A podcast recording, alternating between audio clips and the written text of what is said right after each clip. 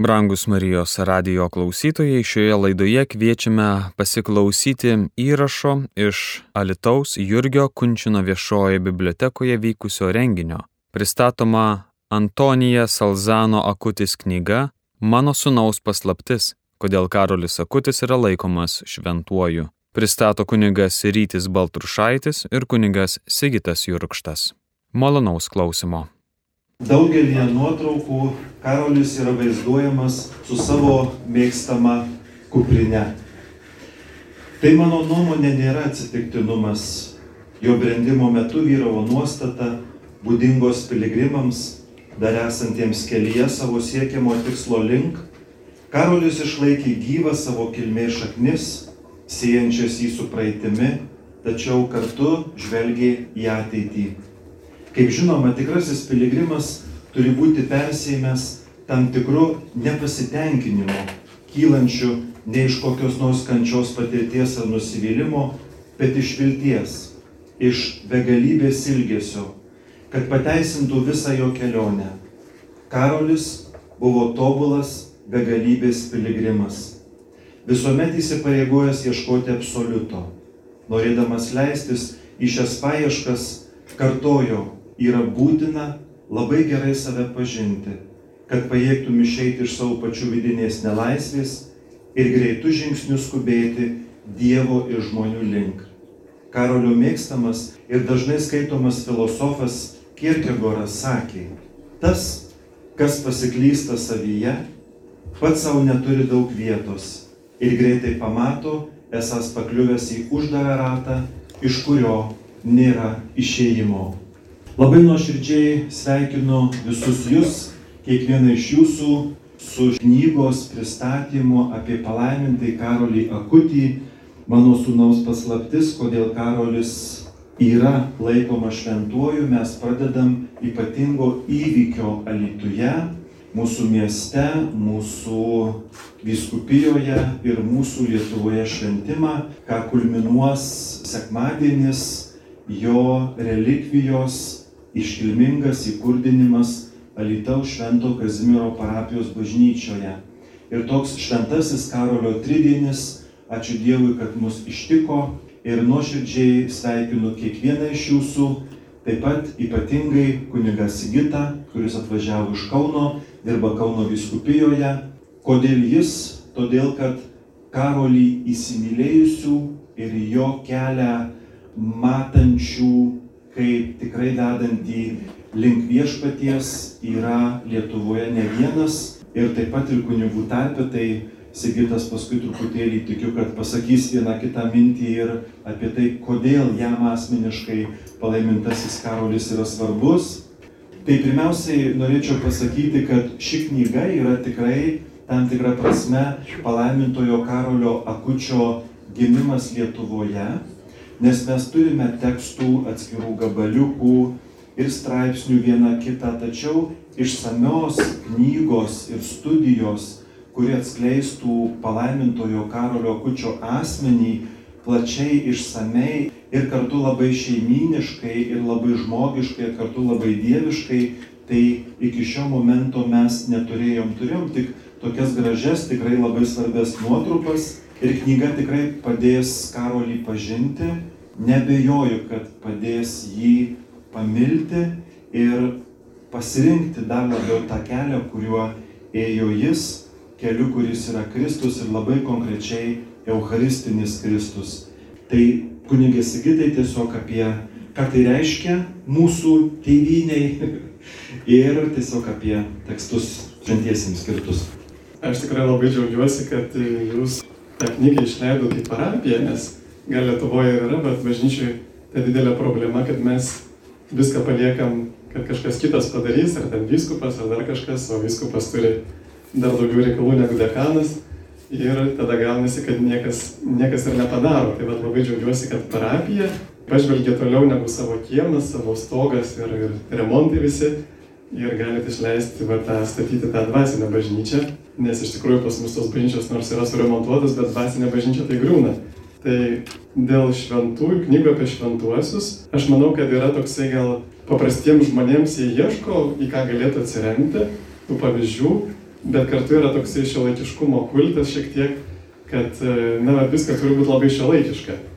Ir jau ten, jeigu šventasis gyvena jau ten 200 metų atgal, tai jau čia visiškai mums nebeaktualu. Ir kartu toksai dar nuo praeito amžiaus likęs baimė tokių stebuklų, stebuklingų dalykų. Atrodytų, kad va čia jau stebuklai tai jau kvepia pasakomis. Buvo tokia srovė mąstymo, naturalizmas, kur sakė, kad va, viską mes galim natūraliai paaiškinti ir kas ten mozėje iš dangaus krito, ta mana, ir, ir, ir kaip ten ta jūra persiskyrė, ir kaip ten Jėzus tos gydė visokius velnio apsistuosius ir taip toliau. Bet vis dėlto žmonės yra ištroškę tų antgamtinių dalykų, todėl kad jie yra kaip ženklas, na, tarsi tas tikras ryšys su dangumi. Ir vat, jeigu mes matom vien tik žmogiškus dalykus, tai atrodo, kad tai kyla iš žmogaus, bet mes ieškom, kas kiltų iš Dievo. Ir, ir va čia šventieji mums yra labai didelė pagalba. Tik tai pastebėjau, kad žmonės priima tuos šventuosius, kuriuos jau pažįsta. Kitaip sakant, kad šventiesim reikia reklamos. Čia labai gerai, kad jūs ten suorganizavo tokią neblogą reklamą tam e, e, Karlo Kučiai. Ir man atrodo, kad yra svarbu, ypatingai Karolis, va kaip tas šio laikinis žmogus, bet čia važiuodamas dar klausiausi to interviu su Karolio mama Antonija YouTube. Ir ta moteris, kuri klausinėjo, sako, va kaip nuostabu, mes esame pratę matyti šventuosius ten su abitais ir panašiai, vienuoliškais o štai jisai va su džinsais, toks kaip mes, ir kad jisai yra labai arti mūsų. Ir dar jau labiau, jeigu jisai mėgsta dar ir, ir kompiuterius, tai visai kaip faina būtų susitikti tokį šventai, su kuriuo galėtume apie naujas technologijas pašnekėti, apie dirbtinį intelektą. Ir kartu jisai yra tas, kuris ne tik mėgo va šitos dalykus, kaip pavyzdžiui, technologijos, ir net sako, kad jo mama atrodo liudijo, kad jisai nuo pat mažens jau buvo toksai, jisai į mokyklą ir į darželį, man atrodo, net vaikščiodavo specialiai užsidėjęs tokius plastikinius akinius, nes vaizdavo mokslininką. Jisai norėjo atrodyti kaip inžinierius, kompiuterių, reiškia, specialistas, mokslininkas. Nu, žaidė tokį žaidimą. Jam labai patiko tie dalykai. Ir aš galvoju, čia turbūt yra mūsų netgi tokioje vyriškoje prigimtyje. Va kaip mes kalbam apie Dievo atvaizdą, Dievo paveikslą žmoguje. Ir viena tokia žinoma mokslininkė Lietuvoje, Eglė Lumenskaitė, jinai vis pabrėžia tą, kad Dievo paveikslas žmoguje tai yra tas santykis su kitais, va kaip yra Dievas švenčiausiai trejybė, tai ir žmogus jis negali būti be santykio su kitais, negali būti užsidaręs.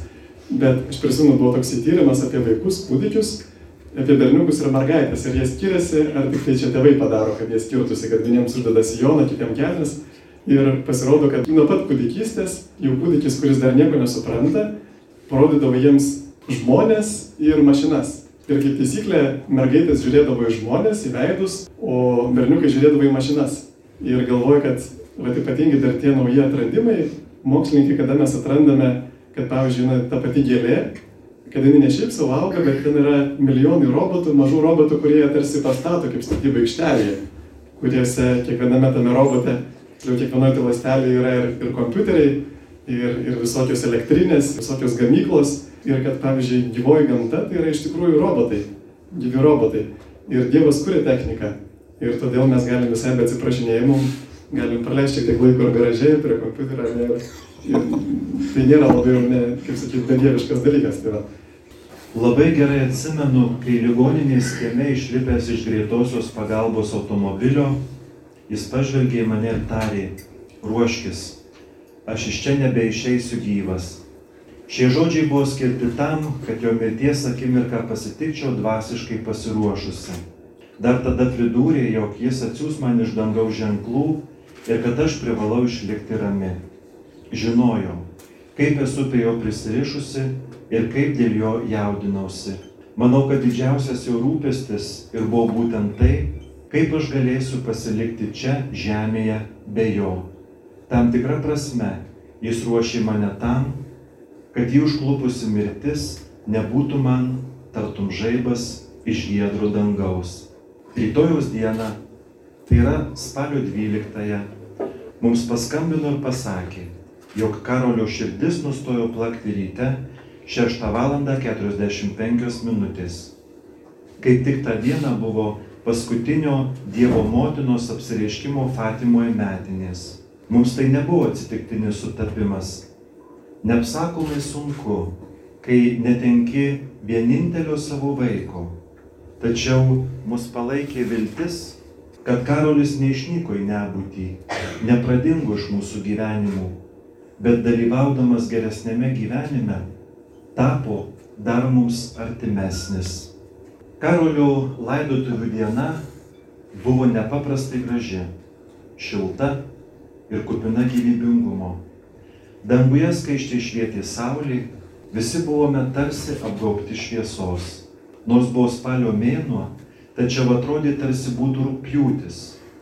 Kai atėjo laidojimo firmos darbuotojai paruošti Karolio kūną pervežimui į kapines, perkeliant jo kūną iš lovos į karstą, nepanoro pasilikti kartu kambaryje, bet išėjau į lauką, kad ten palaukčiau. Atrodė, lyg laikas būtų sustojęs. Galiausiai atsidarė namo durys ir jų tarpdurė pasirodė Karolio karstas su viduje esančiais jo palaikais. Labai sunku išreikšti jausmus, kuriuos tuomet išgyvenau. Atrodė, lyg viską sapnuočiau. Gerai pagalvojus, tik prieš kelias dienas viskas buvo kitaip. Juk šiame kambaryje Karolis juokavo, žaidė, gyveno savo įprastą paauglio gyvenimą, o štai dabar Jis be gyvybės ženklų šiame medinėme karste. Karolio nerūpestingas juokas ir jos kardus balsas vis dar skambėjo mano atmintyje. Per trumpą laiką, per dvi savaitės, viskas pasikeitė. Pasikeitė mano šeimos gyvenimas. Dėl vieno dalyko buvo visiškai tikra, kas buvo vakar, to jau niekada nebebus. Praeitie visada gyvendavau laukdama kažkokio ypatingumo įvyksančio ateityje, geresnio gyvenimo. Ir linkusi dažnai pasiduoti svajonėms, mažai te vertinau dabarties momentą. Man visada sunkiausia būdavo pasilikti čia ir dabar, nes tai reiškia sąmoningai priimti savo pasaulio iliuzijas ir patiriamus prieštaravimus, pasitaikančius kiekvieno žmogaus gyvenime. Buvau išmokusi pabėgti į iliuzinę ateitį kuris savo neapibrieštumu pamaitindavo mano vaizduotis polikį. Praeitis man visiškai nerūpėjo, nes kas buvo, tas pražuvo. Mano gyvenimas buvo tik skubėjimas į savo ateities svajonių pasaulį. Iki Karolio mirties iš tikrųjų man niekada nepavyko užčiopti dabarties momento gerumo, nes metų metais buvau įpratusi gyventi nuostatą, jog rytoj viskas bus geriau. Karolio karstą išnešant laukan atmintyje iškilo kažkada jo ištarti žodžiai. Mama, net jeigu visos mūsų svajonės taiga suduštų į šipulius, niekada nereikia leisti, kad cinizmas mus įveiktų, o širdis prisipildytų kartėlio. Iš kiekvieno nusivylimo gali gimti nauja svajonė. Toks buvo Karolis. Toks buvo jo nuolatinis optimizmas. Tai buvo jo nuostatos, kurios amžinai išliks mūsų atmintyje. Ir jums tik priminsiu tai, ką ir taip gerai žinote, kas domėjotės ir domitės ir domėsitės. Karolis gimė 1991 metais pavasarį, gegužės 3 dieną ir štai girdėjome apie jo mirties momentą, tai 2006 metai spalio 12 diena, ta diena yra jo liturginis minėjimas, jo gimimo dangui diena. Ir knyga nėra panaši į grožinę literatūrą, tąją prasme, kad grožinėje literatūroje tekstas plaukia, yra didžiulė žodžių žaismė, skaitai ir mėgaujasi, ir čia taip pat skaitai ir mėgaujasi, tik visai kitais dalykais. Tai nėra literatūrinis tekstas, tai yra vieno vatikanistinio žurnalisto, reiškia rašančio Vatikano temomis, Paulo Rodari interviu su jo mama Antonija ir jau italų kalba tekstas yra sujungtas iš pokalbio dalių, tai jis turi tokių minties šuolių, nes kai žmogus kalba, jam iškyla tam tikri žodžiai, įsiterpia neįtikėtini kažkokie tai įterpinukai. Suprantat, kad versti į lietuvių kalbą ir paskui padaryti gražų tekstą, kuris būtų mielas ausiai, mielas akiai ir dar pasautintų širdį, tai labai sudėtinga. Ir tikrai turėjo darbo žmonės, kurie vertė. Kunigas Arvidas yra jėzuitiško tipažo kunigas, nemėgsta jokių žodinių vingrybių ir versta tiesiai šviesiai kaip parašyta, be jokių poetinių pridėjimų. Išlaikė ryšį su originaliu tekstu, tačiau skaitant, ypač pirmasis skyrius labai toks asmeniškas apie jo gyvenimą, taip pat apie jo lygos epizodus, kuri buvo labai trumpa, porą savaičių netruko ir sveikutėlis, penkiolikmetis vaikas buvo mirties išsivestas amžinybėn, arba viešpaties tiksliau pakviestas amžinybėn, bet skaitant tekstą, vat, ką citavau jau jums, yra toks asmeniškas kalbėjimas. Jausit, kad mama lyg tai vad sėdi su jumis kažkur tai parke, prie stalo, restorane, dar kažkur kitur, kalnų kažkokiai papėdėjai ir lyg kalbasi pasakoja. Tai tikrai pagauna, nes jinai kalba labai dažnai sakydama aš, jo mama ir panašiai ir panašiai. Tai įdomus momentas. Yra minimas tėtis, Andrėja, Andrius, bet itališkoje kultūroje vyras yra truputėlį po žmonos padu. Ir šitoje knygoje labai jaučiasi, kad, kad mama yra pirmojo smuiko solistė, o tėtis turbūt vat, natas pavarto ir mama linktelė galvą, kad jau gerai atvertai, grosiu. Tai tas yra ir kai kur vat, matysit tokio daug mano sūnus, mano sūnus, net ir knygos pavadinimas. Taip, mano sūnaus paslaptis, nesako mūsų. Tai truputėlį yra tokios matriarchalinės kultūros ženklas, labai natūralus tikrai tam kraštui, bet tai nereiškia, kad eiti šalia tikrai ne. Ir Karolis turėjo labai stiprų ryšį su tėčiu, ir su mama, ir su seneliais, ir išaugo tikrai sveikas jaunuolis, sveikas paauglys visoje savo e, gyvenimo epizoduose, kuriuos buvo galima patirti. Tai tikrai mama labai daug cituoja Karolį, labai daug, rasit labai daug jos pacituotų vietų ir tokių perliukų, kur žinot paskaitai septynių žodžių sakinį ir norisi prisėsti ir kokią dešimt minučių, kad nesuskambėtų telefonas arba durų skambutis raštiniais ypatingai. Norisi pabūti, norisi tekstą neštis. Tai tikrai ir dvasiškai labai maitinantis, tai nėra tokia nuoga, plika biografija, kur perskaitė, užvertė ir čiumpi kitą. Ne.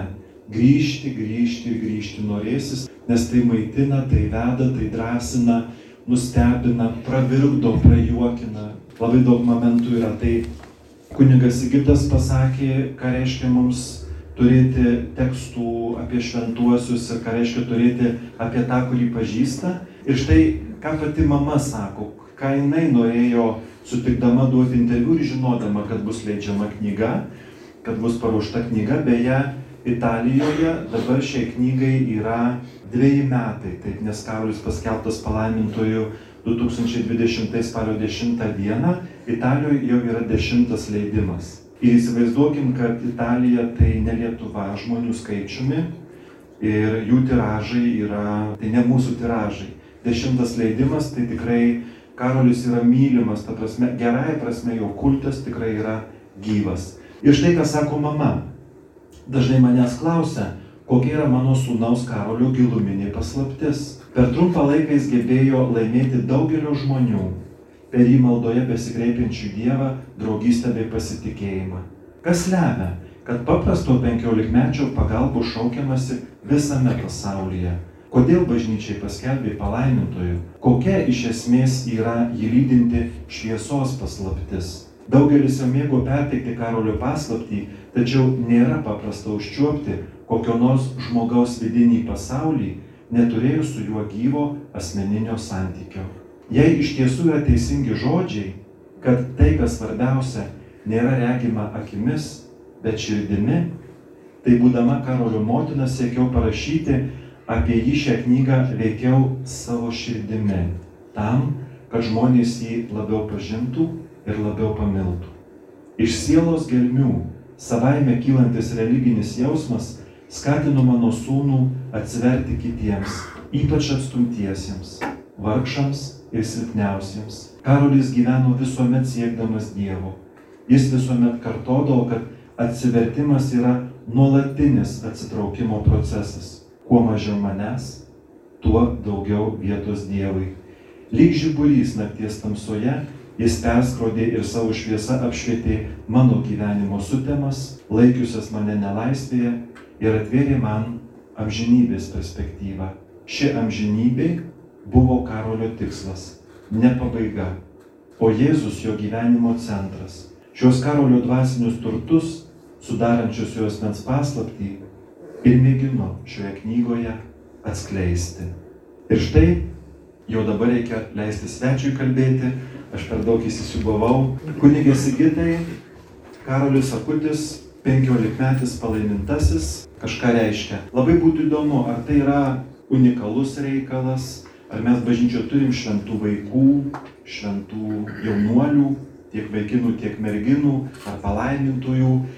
Ir ką bažnyčia atrado juose, kad štai vaiką ar paauglį staiga kelia į altorių garbę ir sako, žiūrėkit, senoliai kardinolai, popiežiai, kunigai, tikintieji, jums penkiolikmetis yra pavyzdys, jums jis autoritetas. Ir štai jau senolis kaip aš prisėda ir nuostabus pilna žiūri, aha, tikrai. Tai vaikų šventųjų ir jaunuolių šventųjų vieta, kiek jų mes turim, nežinau, jeigu įmanoma tokius skaičius turėti, bet, bet tiesiog apie patį kontekstą, kad tai nėra tik tai garbingų praėjusių amžių ypatinga vieta. Taip, iš tikrųjų labai geras klausimas, nes jau nuo pat mokyklos, nuo pat mažumės mums yra tokia mintis kalama, kad tu turi daug pasiekti gyvenime. Ir aišku, kad daug pasiekia, na, ne vaikai, o tie, kurie daug siekia, tai tie daug yra pasiekę. Ir su šventaisiais atrodo, kad yra visai priešingai. Ir va, kaip sako kryžiaus Jonas, kad mums trūksta iki šventumo, mes nesam šventi ne todėl, kad kažko mums trūksta, bet todėl, kad kažko turim per daug. Ir kaip Jėzus irgi Evangelijai sako, kad nepadarysite kaip vaikai ir nesiversite, tai tuomet neįeisite į dangaus karalystę. Ir čia va tų jaunų šventųjų turbūt e, mintis apie tai labai buvo sužadinusi ir kūdikėlė Jėzus Teresė. Jis mirė vėliau, 24 metų, bet irgi jauna, sakyčiau, už mūsų tikrai jaunesnė. Ir atrodo, per tiek metų žmogus, palyginti nedaug metų, jau tapo šventas ir jinai netgi tapo bažnyčios mokytoja. Jinai yra pati jauniausia bažnyčios mokytoja. Ir tada galvoju iš tikrųjų, tai kaip čia yra, kad bet jie jau taip greitai tapo šventaisiais. Bet iš tikrųjų, va čia yra ta problema, kad mes neištveriam iki galo ir būti jaunam ir šventam kartu jaunimas turi dar daug tokios energijos, ką tai daryti ir tokio didelio tikėjimo, tikėjimo meilė. Ir vyresni žmonės kažkaip jau tuose savo įpročiuose jau sukalkėja, bet aišku, kad buvo tų šventųjų, pavyzdžiui, Dominikas Savijo, 14 metų miręs, jisai buvo Dombosko mokinys, Arba, pavyzdžiui, Žana Dark, va, visi žinom, arba Džordžio Prasadis, irgi 24 metų, arba Marijo Garetė, bet kankinėjo už skaistybę, arba gal mums labiau žinomi irgi iš Fatimos apsiriškimų tokie vaikai Pranciškus ir Jacinta. Jie buvo 90 metų amžiaus ir jie iš viso, pavyzdžiui, kada žaisdavo dar būdami vaikais, jie rožinį melsdavosi, na, pagreitintų būdu, kad galėtų, galėtų greičiau pažaisti. Sveika Marija, sveika Marija, sveika Marija, sveika Marija, garbėti Dievo tėvą ir jam žaisti. Ir, ir paskui, kai, kai jiems apsireiškia angelas ir mergelė Marija ir, ir va parodė tą pragaro viziją ir, ir sako, kad va, Dievas norėtų duoti jums kančių ir norėtumėt priimti kančias, kurias Dievas jūs už nusidėlio atsivertimą. Ir jis sako, taip, taip mes labai norėtume. Ir Pranciškus ir Jacinta, jie paskui pradėjo netgi patys ieškoti progų, kaip paukoti Dievui auką kažkokią. Tai pavyzdžiui, vynogės atiduodavo, tokį diržą labai nepatogų dėvėdavo ir kartą apsireiškė mergelė Marija ir sako, Jėzui patinka, kad jūs taip darot, bet naktį nusimkit. Ir jie tai išgyveno tik tai apie metus kažkur tai ir, ir paskui Marija pasakė, kad jūs pasims į dangų ir jie cintos, pavyzdžiui, kūnas, kūnelis, jie atvėrus karstą, atrodo, kad liko nesvyręs. Tai va atrodo, kad užteko vienerių metų, kad jie taptų šventaisiais. Užteko, kad jie per vienerius metus nuoširdžiai atsilieptų mergelės Marijos kvietimui. Ir Karolis irgi jisai labai, labai vertino tai, mergelė, kad Dievas per mergelę Mariją nori mums pasakyti šiems laikams. Sako, turbūt būtų visai keista, kad jeigu mes nesiklausytume, ką mūsų Dievo motina Jėzaus susita nori mums pasakyti. Ir Marija kaip tik ir veda mus į šventumą. Veda prie Jėzaus Euharistiją, veda į šventumą. Ir, ir be abejo, Marija niekada nesako, kad štai Na tai šiek tiek, būkit kaip visi žmonės, va, pasimelskite truputį ryte, truputį vakare, gerai atlikit pareigas. Marija taip nesako, jinai sako, melskitės labai daug. Pavyzdžiui, va, Borang, Belgijoje apsiriškimai patvirtinti bažnyčią, sako, tris kartus pakartojo vaikams melskitės labai daug. Ir Karolis, jisai ateidavo į bažnyčią kiekvieną dieną, priimdavo komuniją kiekvieną dieną. Visas savo santopas atiduodavo vargšams. Pavyzdžiui, pirmas iš pirmų santopų nu, nupirko mėgmėšį. Tai va, tas turbūt skirtumas tarp šventumo ir nešventumo turbūt yra tas skirtumas kaip nu tarp uolumo ir draugumo. Mes gal turime daug tokio draugumo, daug tokių kitų dalykų, o, o vat jiems pavyko Jėzus skirti pirmą vietą.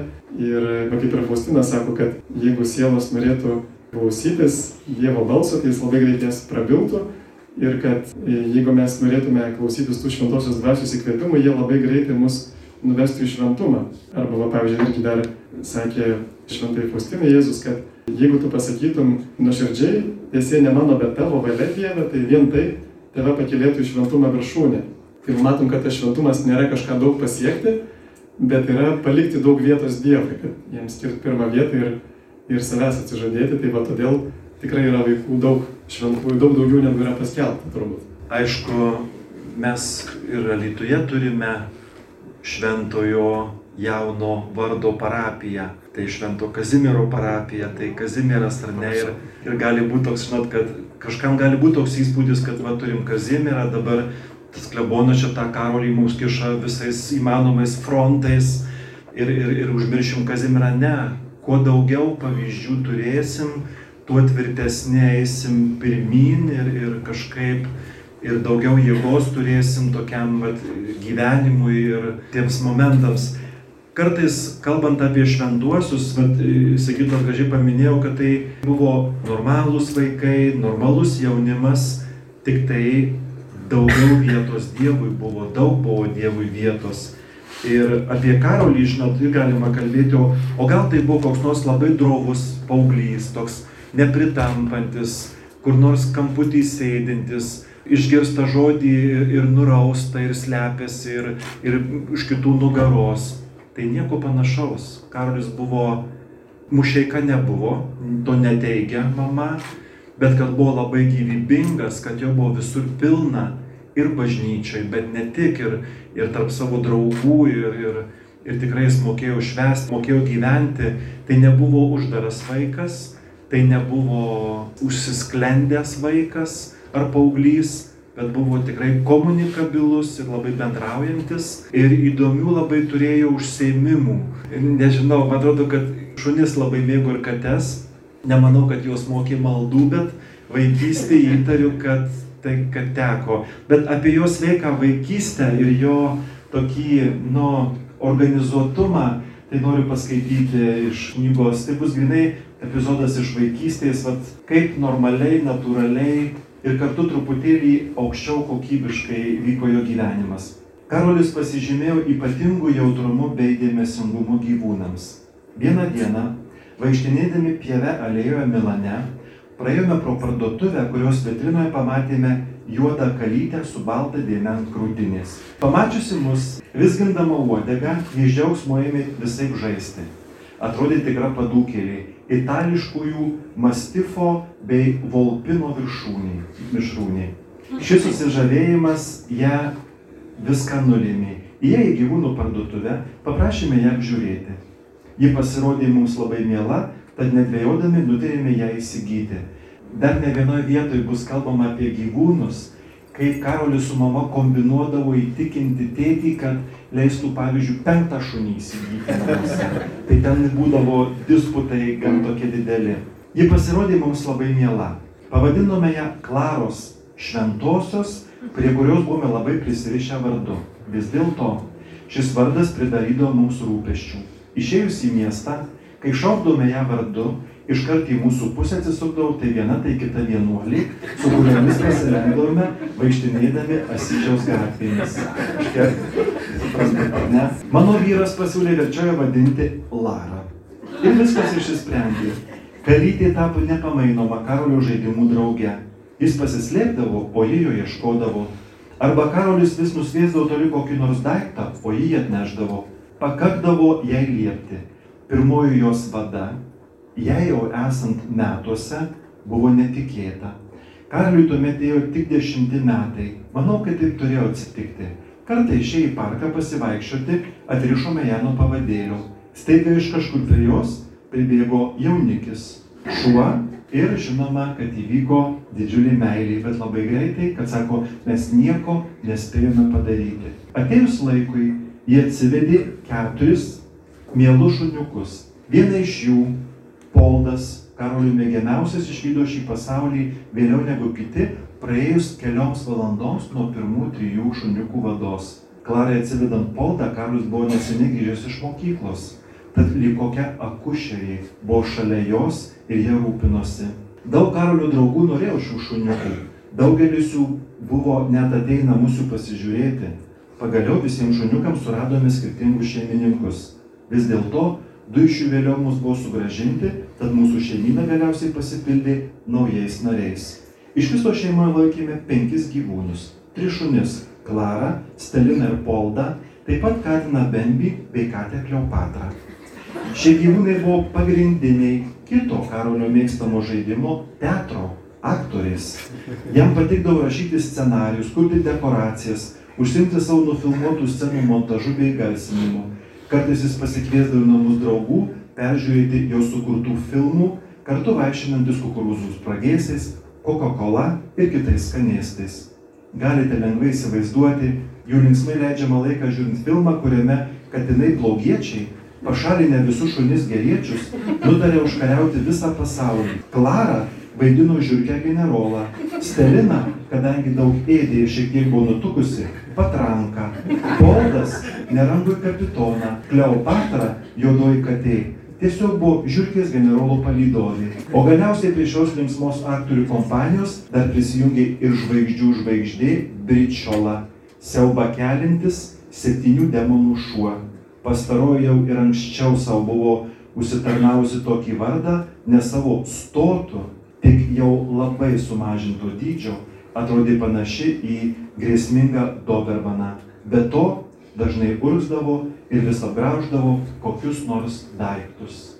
Tai išrauka, kuri rodo visišką normalų normalumą ir kad palaimintieji bręsta, auga ne kažkokiuose kažkaip ultra šeimose, bet taip kaip vat, šie jaunuoliai, kurie sėdi pirmoje eilėje ar kitose eilėse, mamos, kurios klauso galvoja, dievė ir pas mus tie teatrai vyksta, ir visi dalykai darosi ir kartais reikia spragėsių ir Coca-Colos parūpinti. Retai pasitaiko, kad tėvai dalyvautų savo vaikų betifikacijos iškilmėse. Vis dėlto kelias į šventumą yra skirtas visiems ir kiekvienas iš mūsų gali juo eiti. Kuo labiau atsiveriame Dievo maloniai, tuo labiau Jis mums atveria vartus į didesnį gėrį, kurio turime siekti. Aš visai nenoriu, kad Karolis išliktų žmonių atmintyje tartum koks supermenas. Karolis pirmiausia buvo vaikas, vėliau kaip visi kiti, paauglys, kuris visada troško ir gebėjo su pasitikėjimu atsiduoti Dievo meiliai. Kartoju, šis kelias, kuriuo ėjo Karolis, yra skirtas kiekvienam, yra skirtas visiems. Ir tikrai retenybė, kaip ir Karolio mama sako, kad tėvai sulauktų savo sūnaus arba dukro šiuo atveju sūnaus betifikacijos pripažinimo palaimintų ir skelbimo dienos, nes dažnai būna, kad šventieji palaimintieji taip pat gyvenę gerokai ankstėliau negu vykstantis palaimintojų skelbimo įvykis ar šventuoju. Ir kartais amžininkų jau nebūna gyvų. Ne kartais, bet dažniausiai.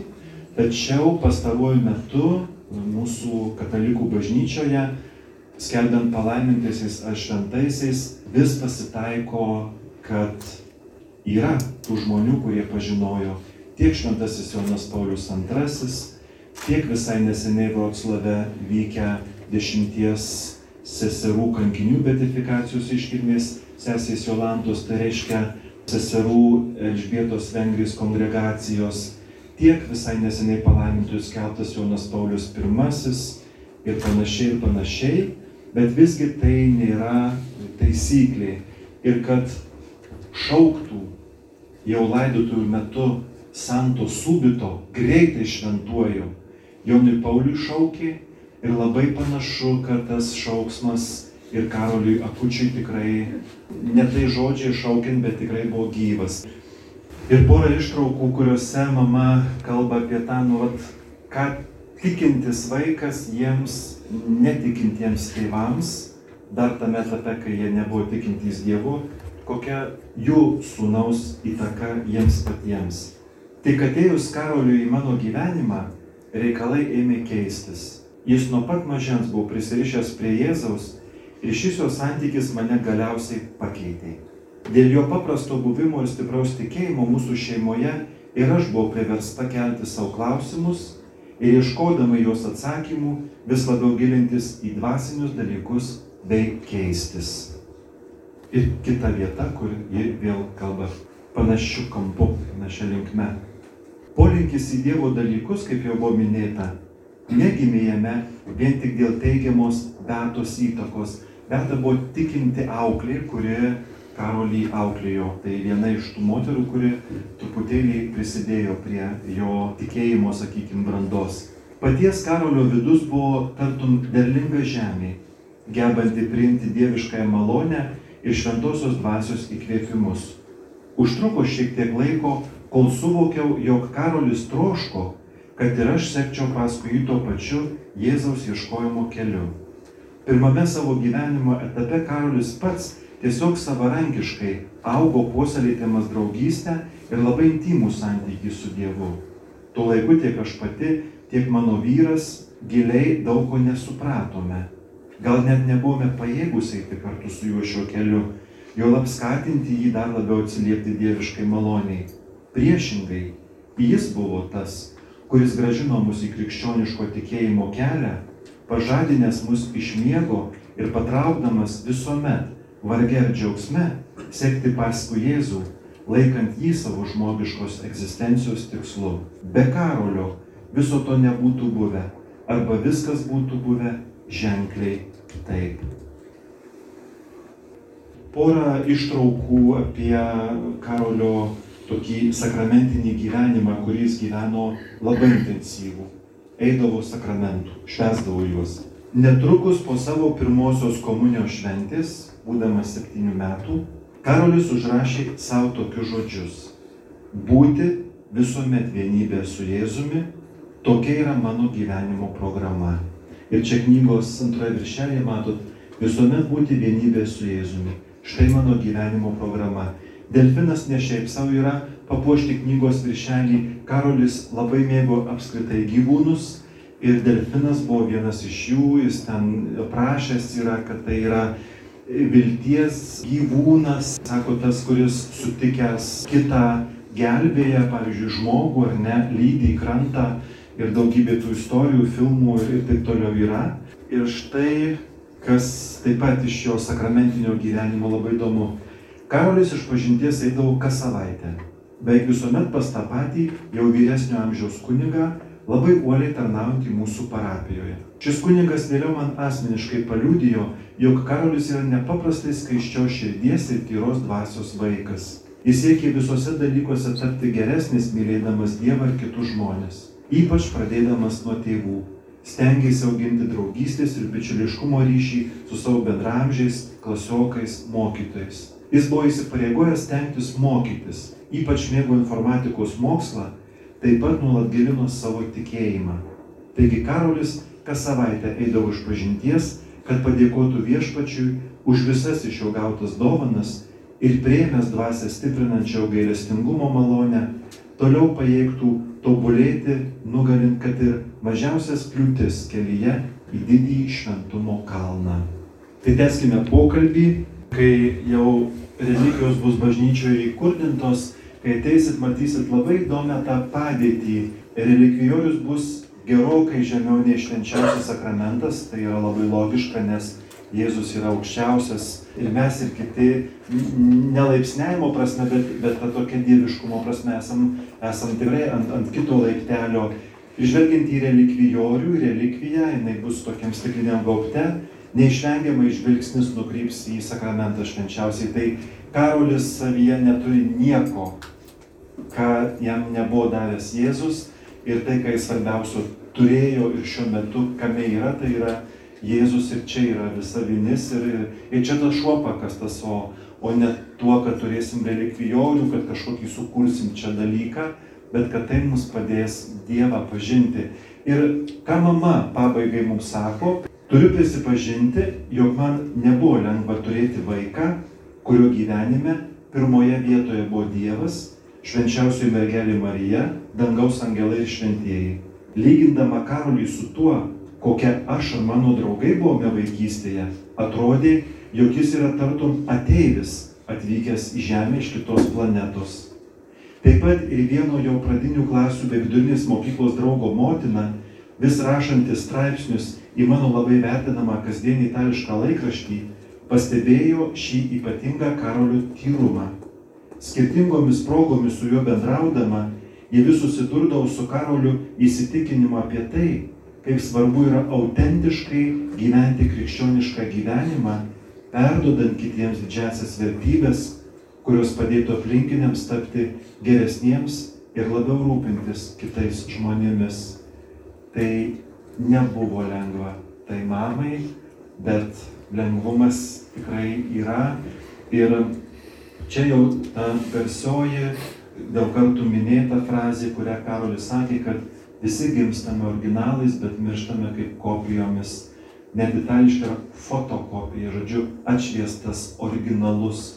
Tai nepaskesti minioj, ne, nebandyti visą laiką prisiplakti prie kažko, bet, bet išlikti Dievo žmogumi ir turbūt jaunimui yra gal sudėtingiausia, bet turbūt ir mums senoliams yra ką veikti vietoje, ar ne, kad kažkaip neprisiderinti, nepritilti, nepritūkti, bet taip, esu tikintis, medžiuosi, man Jėzus yra svarbus.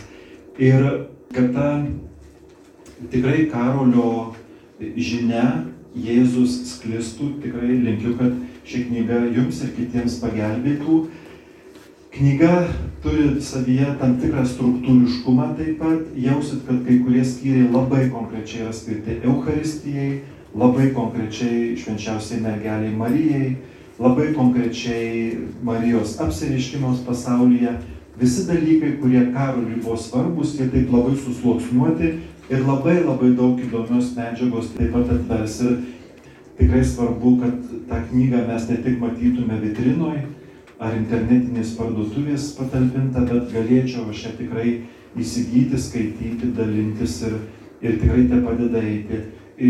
Uždarbis už šią knygą bus skirtas jau pradėtos kurti edukacinės programos vystimui, kad galėtų ir piligrimų grupės, ir mokytojai su mokiniais atvažiuoti, ateiti į Švento Kazimiero parapiją ir turėti maždaug valandos ar valandos su trupučiu edukacinę programą apie Karolio neštas vertybės, tikėjimą, taip pat truputėlį pasibūti prie arbatos, laimėti įdomių itališkų prizų, o šiltų metų laikų pasidalinti šios žinios aidu bažnyčios varpinė užlipę prie varpo, kuris tikrai yra labai garbingas mūsų parapijos bokšte skambantis. Aš labai nuoširdžiai noriu padėkoti. Tai pirmiausiai kunigė Sigitai pačiam, kuris irgi savo darbų sukūrį ištraukai iš Kauno, iš aktyvios šventosios dvasios parapijos ar ne.